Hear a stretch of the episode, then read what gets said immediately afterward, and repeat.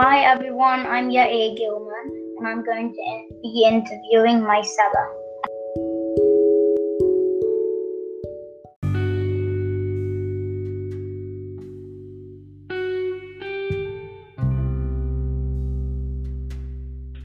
Hello. Hi Saba, it's Yair.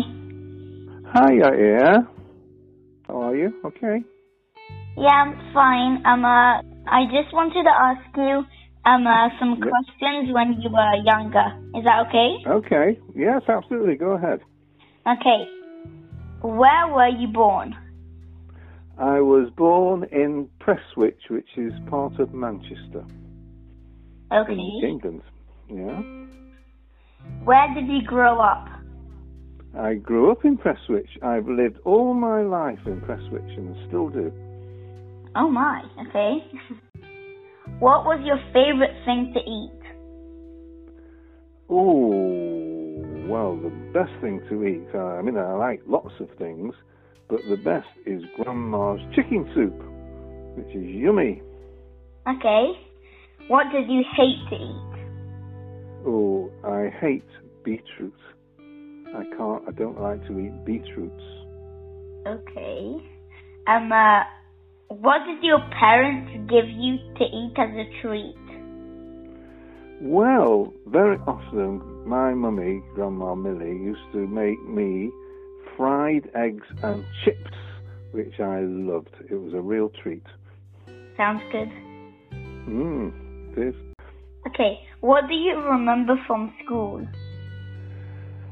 Uh, oh, well, I mean, there's too, really too many things from school to, to remember, to mention.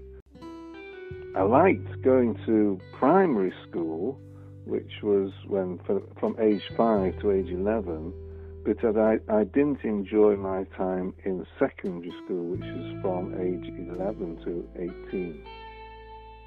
Why? I don't know. I didn't. I didn't enjoy it. it, it I didn't like the teachers, and uh, I didn't like the school. Okay.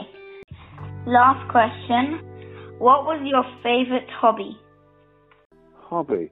Um, well, I love football, uh, and I liked um, stamp collecting.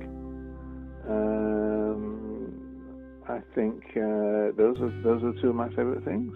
Okay, Emma, and how many stamps did you get to? Oh, I never counted them all, but I had loads and loads of them. But some of my nicest stamps that I had were from Israel when the, Israel was first established in, in well in 1948. Lovely, Okay, thank you.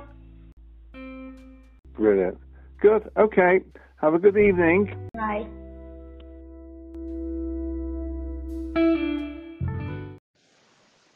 I want to thank my Saba for letting me interview him. Thank you, Saba.